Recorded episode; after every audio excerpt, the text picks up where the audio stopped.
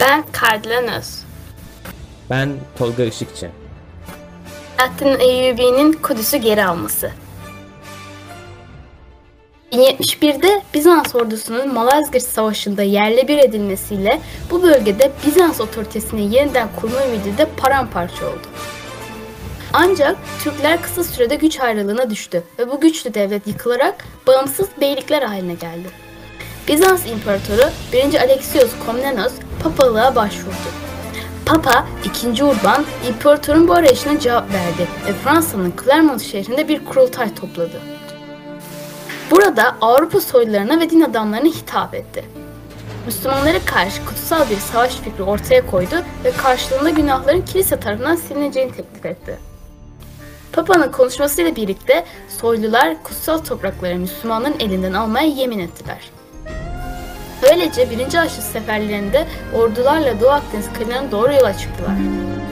1097'de İznik, 1098'de Antakya ve Urfa Bizanslılar tarafından ele geçirildi ve daha sonra 1099 yılında Kudüs'e yol alındı. Bölünmüş vaziyetteki Müslüman hükümdarlar Haçlıları yenilgiye uğratmayı başardı. İslam cephesi Kudüs'ü geri almak için hazırlanmaya başladı. Kutsal cihad, cihat Haçlılara karşı yeniden canlanacaktı. İlk olarak Mezopotamya'da bulunan ve Türk hanedanlığı olan Zengiler tarafından başlatıldı. Zengi Devleti'nin ikinci hükümdarı Nurettin Mahmut Zengi'nin ölümünden sonra sancak Mısır Sultanı Selahaddin himayesi altına alındı.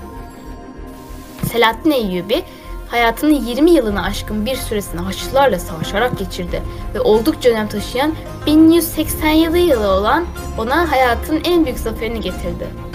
Sonuçta atın üzerindeki Türk, Türktür, değilse Kürttür.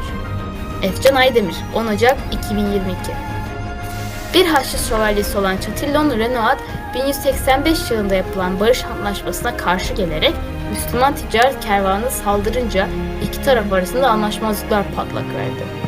Anlaşma ona hatırlatıldığında ise Hz. Muhammed'le alay etti. Bundan ötürü Selahaddin bir hayli öfkelenerek Haçlıların şimdiye kadar elde ettiği tüm başarılara karşın üstün geleceğine ve Renaud'u kendi elleriyle cezalandıracağına yemin etti. 4 Temmuz 1187 tarihinde şimdiye kadarki en büyük Haçlı ordusu Selahaddin askerlerinden sayıca fazla olmasına rağmen Hıttin Muharebesi'nde yerle bir oldu ve kutsal topraklar savunmasız kaldı. Haçlılardan gelecek herhangi bir saldırı tehdidi ortadan kalktığı için Selahaddin Eyyubi Doğu Akdeniz kıyılarını ele geçirmek adına birliklerini bölgelere dağıtmıştı.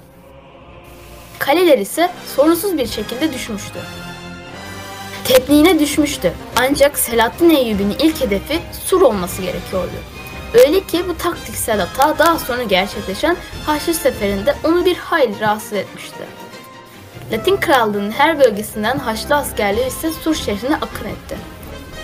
Selahaddin, Ramla, İberin ve Darum'u alarak Mısır'a açılan kapı olarak bilinen Aşkelon'a doğru hareket etti. Şehri koruyan askerler savaşmadan teslim olmuşlardı. Sultan şimdi ise en değerli hazineyi elde etmek istemişti ve bu da kutsal şehir olarak bilinen Kudüs'tü. Selahaddin herhangi bir fırsatı kaçırmamak adına kutsal şehrin fethini ertelemek istemedi. Öyle ki tüm Hristiyan aleminin güç birliği oluşturup yakında ona karşı geleceğini biliyordu. Diğer şehirlerden elçilerle bir araya geldi ve onlara cömert bir şekilde teslim olma şartlarını sundu. Eyyubi askerlerinin koruması altında tüm eşyalarını alıp şehri terk edebilirlerdi. Ancak bu teklif reddedildi. Elçiler kenti hiçbir koşulda teslim etmeyeceklerini belirtti. Sultan böylece şehrin Müslüman ve Yahudi sakinlerinin 1099'da yaşadığı kadere Hristiyanları da maruz bırakmaya karar verdi. Şehre saldırıp yağmalamaya kararlı olan Eyyubi ordusu bizzat padişahın önderliğinde şehre sürüldü. 20 Eylül'de ordunun bayrakları Kudüs'ün batı yönünde görülebiliyordu.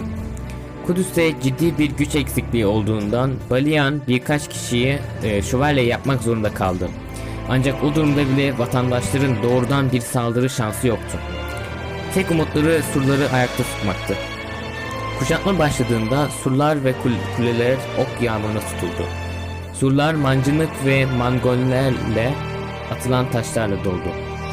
Sultan taktiksel hatasını fark edene kadar bu kilitlenme birkaç gün boyunca devam etti. Sadece bu bölge kolayca savunabilir bir vaziyette değildi. Güneş doğrudan savaşların yüzüne parlıyordu. Kör edici bu paraltı öğle vaktine geçene kadar askerlerin savaşmasına izin vermiyordu. Kuşatma kuvvetini doğuya, civardaki geçişlerin çıkış için kullanamayacağı Zeytin Dağı'na doğru hareket ettirdi. 25 Eylül'de Selahaddin'in kuşatma gücü 1. Haçlı Sefer ordusunun 88 yıl önce şehre saldırdığı mevzide yerini aldı. Nitekim bu etkili bir hareketti. Sadece 3 gün sonra sultanın mayıncıları tarafından surların savunma gücü azaltılarak şehir saldırıya açık duruma getirildi. Daha fazla savunamayıp şehrin düşeceğini anlayan Baliyan, sultanı doğrudan hesap etmek için yola çıktı ve kan akmadan şehri teslim etmeye fikir etti. Her ne kadar Aşkelon'da Haçlıların aşağılayıcı tutumuna maruz kılıp öfkeden gözü dönmüş olsa da Selahaddin şehrin bir kan gölüne dönmesine izin vermemiştir. Ayrıca kendisinin İslam'ın bir temsilcisi olarak görülmesi üzerine kutsal İslam değerlerine ve Müslümanlara zarar verilmesine izin vermeyeceğini belirtmiştir. Ancak çözülmesi gereken başka bir konu vardı. Şehri ele geçirmeye yemin etmişti ve bu sözünden geri adım atmadı. Bir şartla teslim olmalarını kabul etti. Şehir içindeki Haçlılar savaş esiri olarak kalacaktı. Kendileri için belirli bir fidye verilecekti. Aksi halde şehirde köle sıfatıyla barınacaklardı. Fidyelerin toplanması için 40 günlük bir süre verildi. Ancak birçoğu bu konuda başarılı olamadı. İbil, İbelinli, Baliyan ve birçok kişi Eyyubi komutanları tarafından serbest bırakıldı. Selahaddin ise özgürlüklerinin bedelini karşılayamayan tüm yaşlılar her halükarda serbest bırakılacağını duyurdu. Ayrıca tüm soylu kadınların fidye vermeden şehirden ayrılmalarına izin verdi.